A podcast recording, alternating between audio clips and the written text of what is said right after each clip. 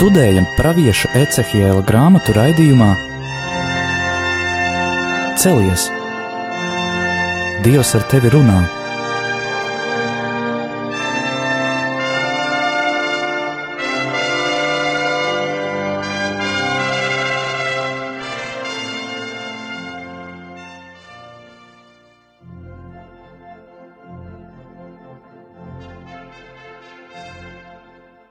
Slavēts Jēzus Kristus. Mūžīgi mūžos slavēts. Studijā Stela un Anģela. Šodien turpināsim lasīt pravieša Ecihila grāmatu un redzēsim, kā nevienmēr kungs ļauj praviešu valodiņai plūst kā strautam, ka ir brīži, kad tauta ir tik stūrgalvīga un pretestīga, ka Dievs pasaka, pietiek. Iepriekšējā reizē mēs redzējām, ka tas nepatīkamais pienākums pamācīt ir ļoti būtisks, ka tomēr cilvēkam ir jādara zināma patiesība, kādu Dievs ir atklājis, un jādod viņam šī iespēja atgriezties pie Dieva likuma. Jo, ja mēs klusējam, atradām, ka atbildība ir, pat var teikt, tāda pati kā par slepkavību. Kā asins atprasīšu no tavas rokas, saka kungs.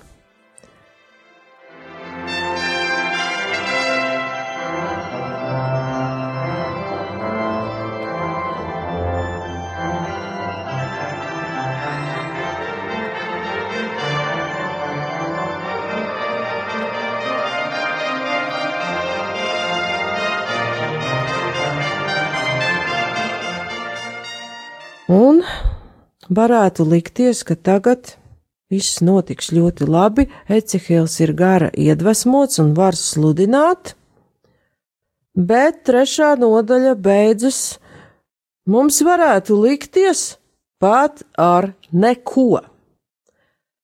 Bet redzēsim tālāk arī ceturtā nodaļā, ka tad, kad jau sludināšana nelīdz nenieka, cilvēki ir kurli, nedzird, negrib pieņemt, ka Dievs runā caur zīmēm, un Dievs liek pravietim būt par šo zīmi, ar šīm dažādajām mums pat nesaprotajām, nu, nesaprotamām darbībām, parādīt tautai, kas to sagaida, ja tā neievēro dieva likumu un pievēršas citiem dieviem. Un ļoti bieži mēs redzam un dzirdam pravieša Ecihela grāmatā šos vārdus: Gars nāca par mani, gars piepildīja, un arī kunga roka nāca tur par mani, un viņš man sacīja celies un ej klajumā, tur es runāšu ar tevi. Atkal ir šī piecelšanās, un iepriekšējo reizi kunga godība atklājies pie ķebars upes, šeit tā atklājas klajumā. Tā tad mēs redzam, kā cilvēkam, kam ir pravietisks uzdevums, kurš ir ļoti grūts un sarežģīts, ir visu laiku klāt arī kunga godības atbalsts. Viņš ir klātesošs ar šo godību, ar savu skaistumu, ar savu klātbūtni, un pravietis var atpūsties šajā kunga godības klātbūtnē. Un atkal it kā atkārtojas. Gara sa, uh, nākšana saistīta ar nostāšanos uz kājām. Tāpat kā otrā nodaļā, pirmais pants, kur mēs lasījām: Nostājies uz savām kājām, es gribu ar tevi runāt. Gars pārņēma mani tā, ka es nostājos uz kājām. Tātad gars tur ir tas cēlonis otrā nodaļā, lai pravietis var nostāties uz kājām. Jā, un arī Pāvila otrā vēstuli korintiešiem mēs varam lasīt, bet mēs visi atsektām sejām Dieva godību redzēdami kā spoguli, topam pārvesti viņa paša līdzībā, no spožuma uz spožumu. To dara tā kunga gars. Paldies! Un šeit var teikt, ka apustulis Pāvils ir komentējis to, ko pārdzīvo Ecihils. Būdams kunga godības tūmā, viņš saņem šo kunga godības atspulgu, viņa garu, kas ļauj viņam būt drosmīgam sludinātājam un izpildīt visas tās, var teikt, pat neiedomājamās, fantastiskās lietas, ko kungs viņam liek darīt jo tālāk mēs lasīsim un nevarēsim saprast, kāpēc ir jādara kaut kādas tādas mūsdienu cilvēkam pat liktos galīgas muļķības. Tajā laikā cilvēki pravieša darbību izprata citādāk, bet arī Izraēļa gadījumā, izsūtītās tautas gadījumā mēs saprotam, ka lielākā daļa cilvēku ir cietu kaklu un Ecihēla sludināšanu un zīmes negrib pieņemt. Kāpēc tās kājas vispār tur ir tik svarīgas? Ar kājām tiek saprast šie cilvēka būtnes pamati. Tā virsbūve var būt neskāda, bet ja mums nav pamatu, ēka sabruk. Un to var attiecināt gan uz cilvēku, kādi viņa dzīvē ir ielikt šie pamati, un var saprast arī no visas grāmatas vēstījuma gaitas, kā Ecihils, kā priestera dēls, ir savā ģimenē saņēmis stiprus pamatus, ir mantojis šo stipro, spēcīgo ticību un paļaušanos uz kungu. Tātad Te nekas it kā nav par to teikts, ne viņa audzināšana, ne ģimene, bet tā kā atkārtojas šis vārds stāties uz kājām, tad, tad apzināties savus būtnes pamatu, var saprast, ka kungs viņu ir aicinājis redzēdams, ka viņam ir šie dzimtā saņemtie pamati, dievbijības pamati, kas ļauj viņam uzsākt šo praviešu sūtību. Par pamatiem ir runāts arī Daniela grāmatā 2, 33, 34, kur ir varants un skaists tēls no dažna dažādiem metāliem un liekas tāds nesagraujams, bet visa nelaime ir, ka kājas ir metāls ar mālu un tas viss var ātri sabrukt.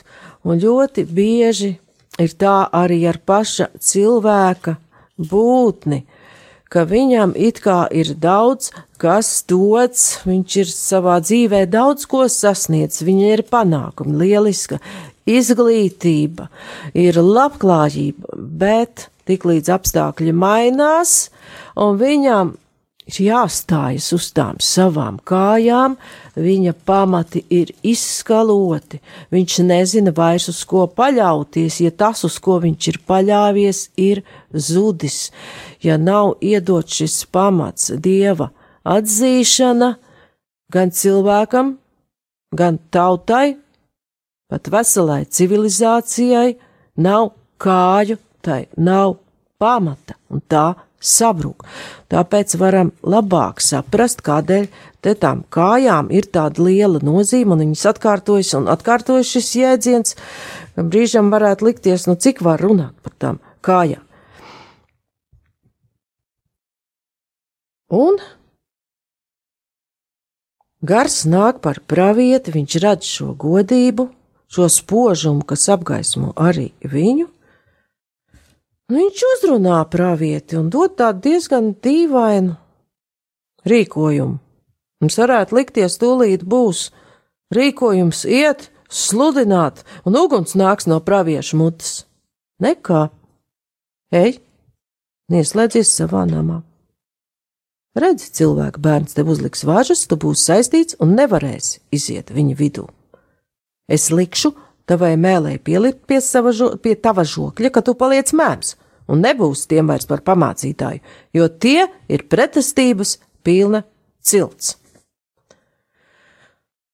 Te kungs pats arī pasaka, kāpēc ir tāda absurda pavēle norobežoties no šiem cilvēkiem, kuriem jāsludina. Iet namā, Kāds uzliks vāžas, mēs nevaram pat pateikt. kas tās tev uzliks važas, no tā mēs varam saprast, ka pravietis zināmā mērā būs tāds kā cietumnieks, iespējams, ka tie ir viņa paša līdzcilvēki, viņa tauta, kas viņu saistīs, lai viņš nestaigā apkārt un nerunā to, kas viņiem nepatīk. Bet 26. pants jau pasaka, ka tas nenotiek bez kunga ziņas. Es likšu tavai mēlē pielikt pie tava žokļa, ka tu paliec mēms, nebūs par pamācītāju. Kāpēc? Viņi nav klausījušies, jo tie ir pretestības pilni cilts, un kā tur ir krievu valodā, jo krievu valodā vienmēr bija precīzāk. Tas ir Ecihēle 3 un 26. 6. pants. И язык твой я прилеплю к гортани твоей, и ты онемеешь, и не будешь обличителем их, ибо они мятежный дом. А, а когда я буду говорить с тобой, тогда открою уста твои, и ты будешь говорить им. Так говорит Господь Бог. Кто хочет слушать, слушай, а кто не хочет слушать, не слушай, ибо они мятежный дом. Atkal tulkojuma varbūt ne problēma. Latviski mēs lasām pretestības pilna cilts. Nu labi, mēs te sēžam un arī esam pretestības pilna cilts pret kaut ko. Mums ir iekšēja pretestība par kaut ko. Bet mieķežnī dom, tas ir dumpīgs nams, dumpīga tauta, dumpis tā jau ir sacelšanās, tā jau ir rīcība, kas var novest arī pie pat pravieša nonāvēšanas, pie pravieša saistīšanas važās un novietošanas tā labi tālu, lai nav jāklausās, ko viņš runā.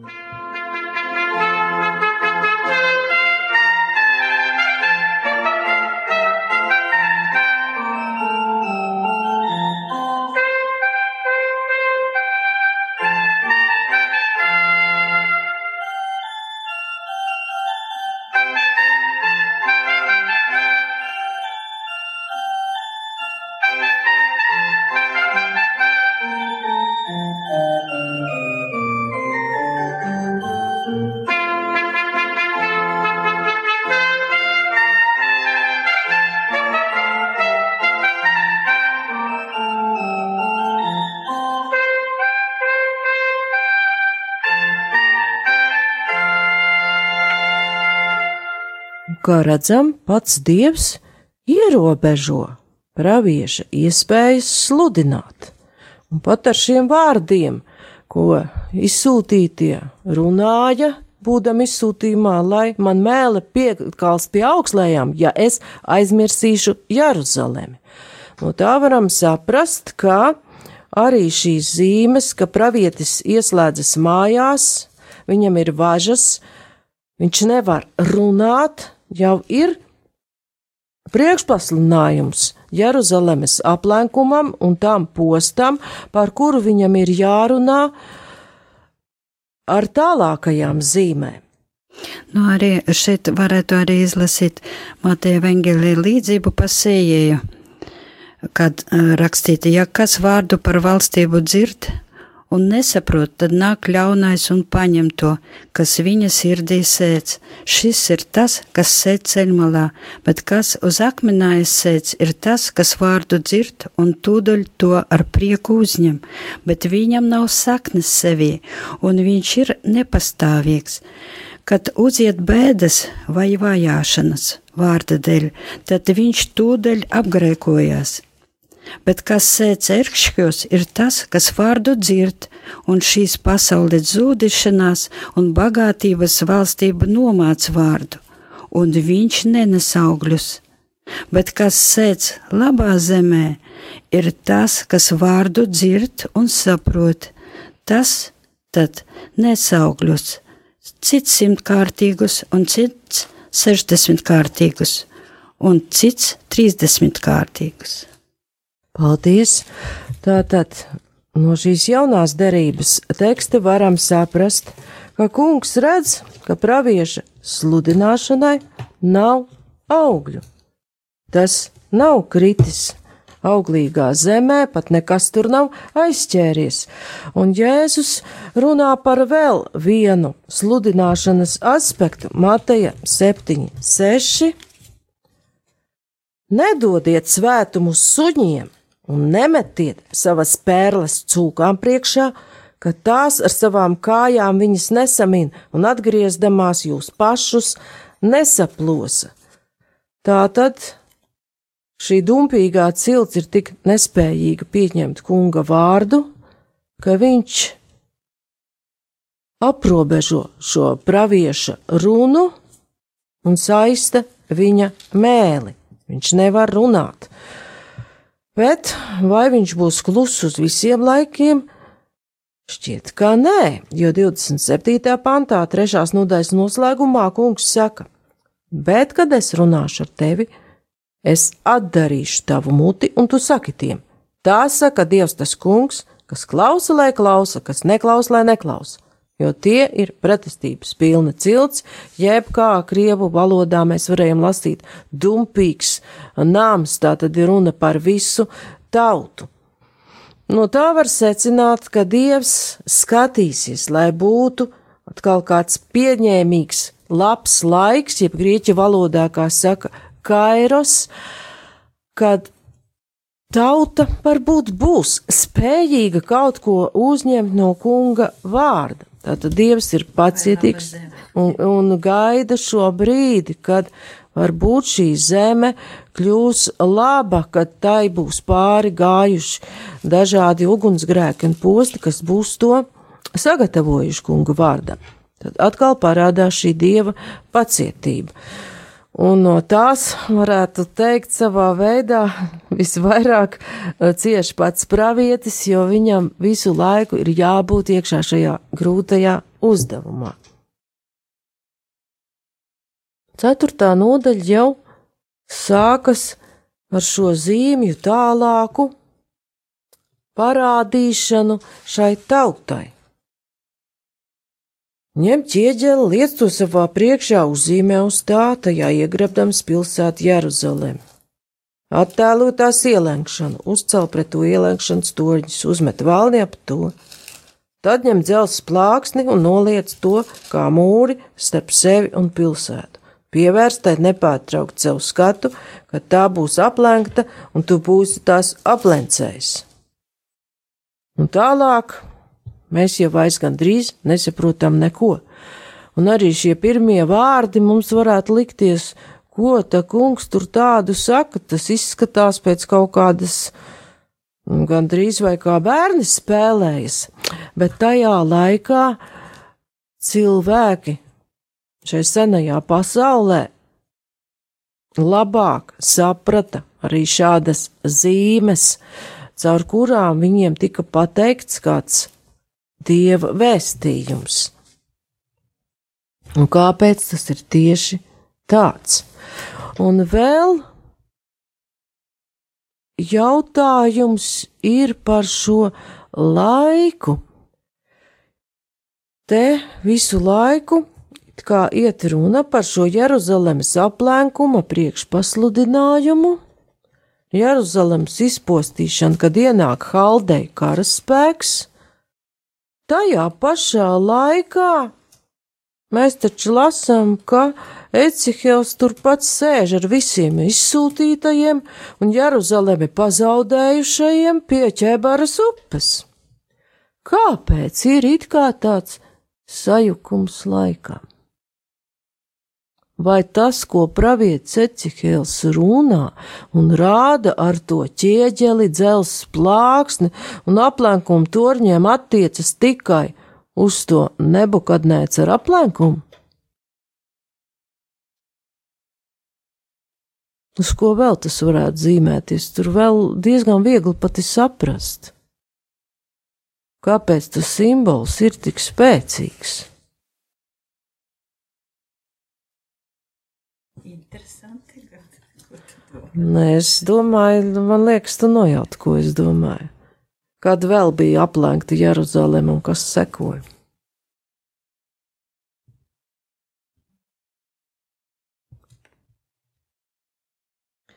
Var teikt, ka šajā vecās derības tekstā, pravieša Ecihela grāmatā, ir ietverts brīdinājums un priekšpasludinājums arī par Jeruzalemes pilnīgo nopostīšanu jau pēc Kristus. Ja nekļūdos, tas bija 70. gads, kad atnāca romiešu karaspēks Tita vadībā un visu nopostīja. Arī tad bija aplenkums un bats, tas viss, par ko ar savām zīmēm runā Ecihēls kunga uzdevumā.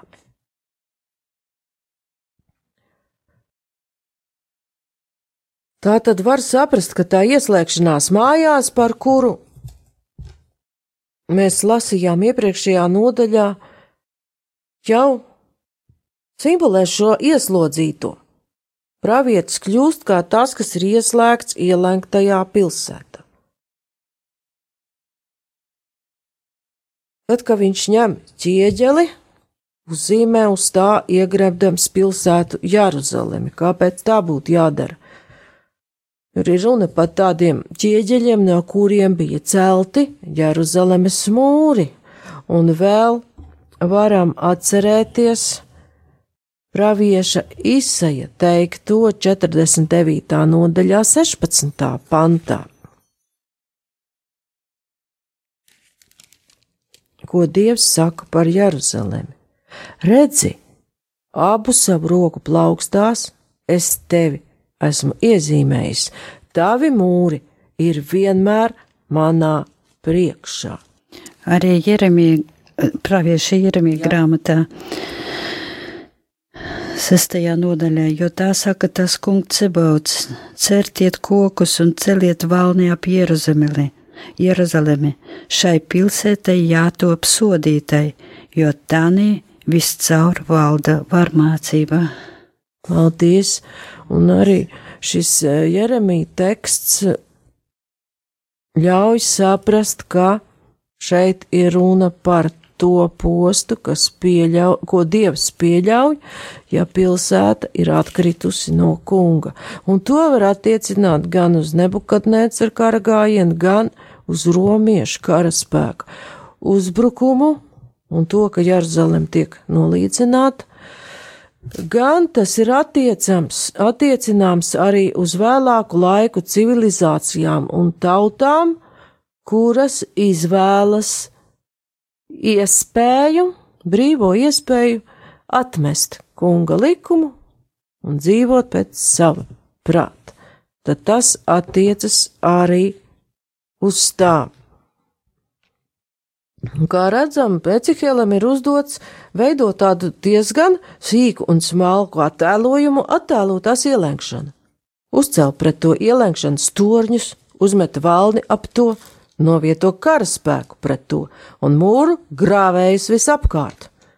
Te var atcerēties, ka mūru grāvēji un šie ielenkšanas torņi ļoti populāri bija tieši Romas karaspēkam, un tā bija Romas uh, karaspēka aplenkšanas taktika. Tātad tur ir priekšpasludinājums arī par to. Un tagad sludināšana ir nonāk caur, pie cilvēka caur vizualizāciju kaut kādu.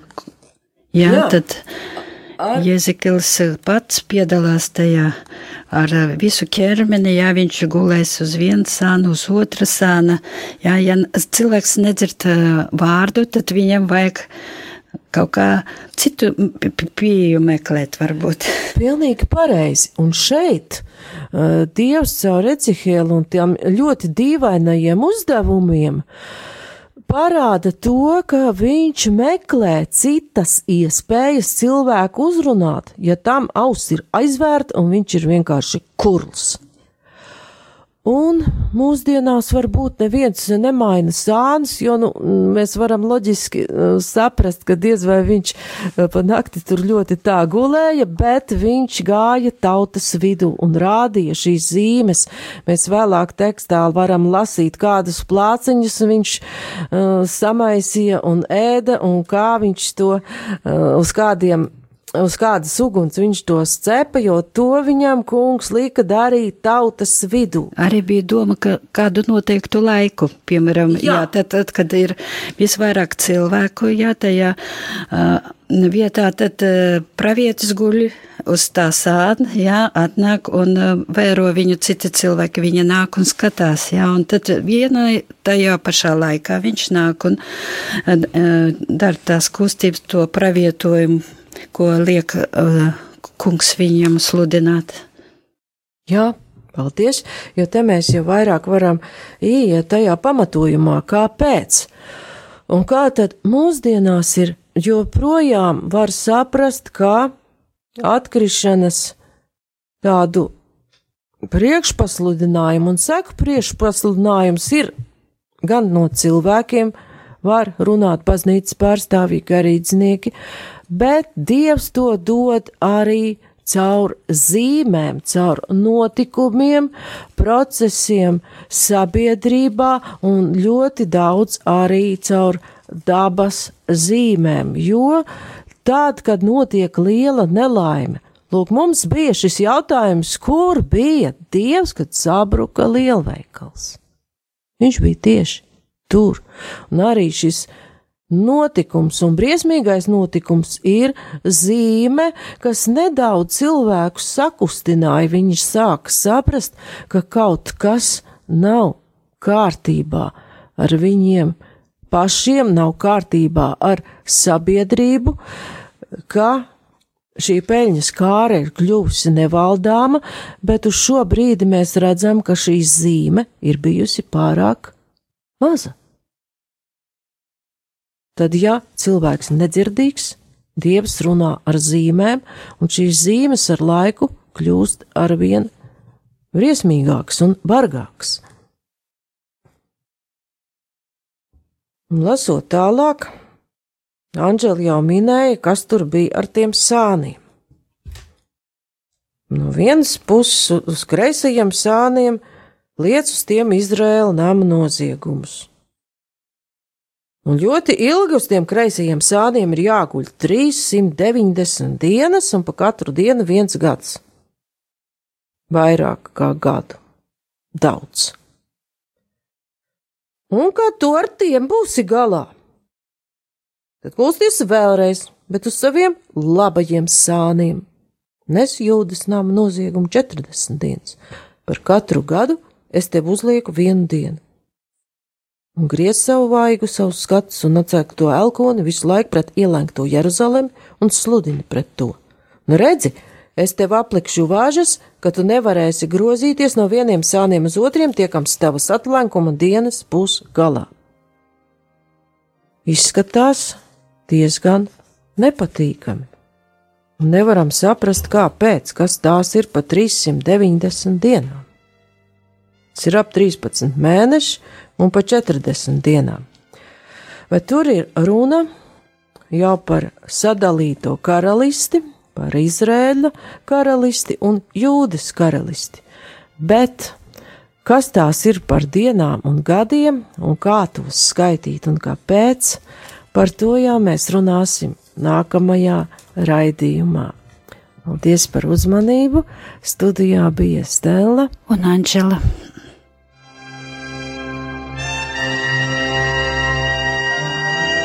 Izskanēja raidījums Celies! Dievs ar tevi runā!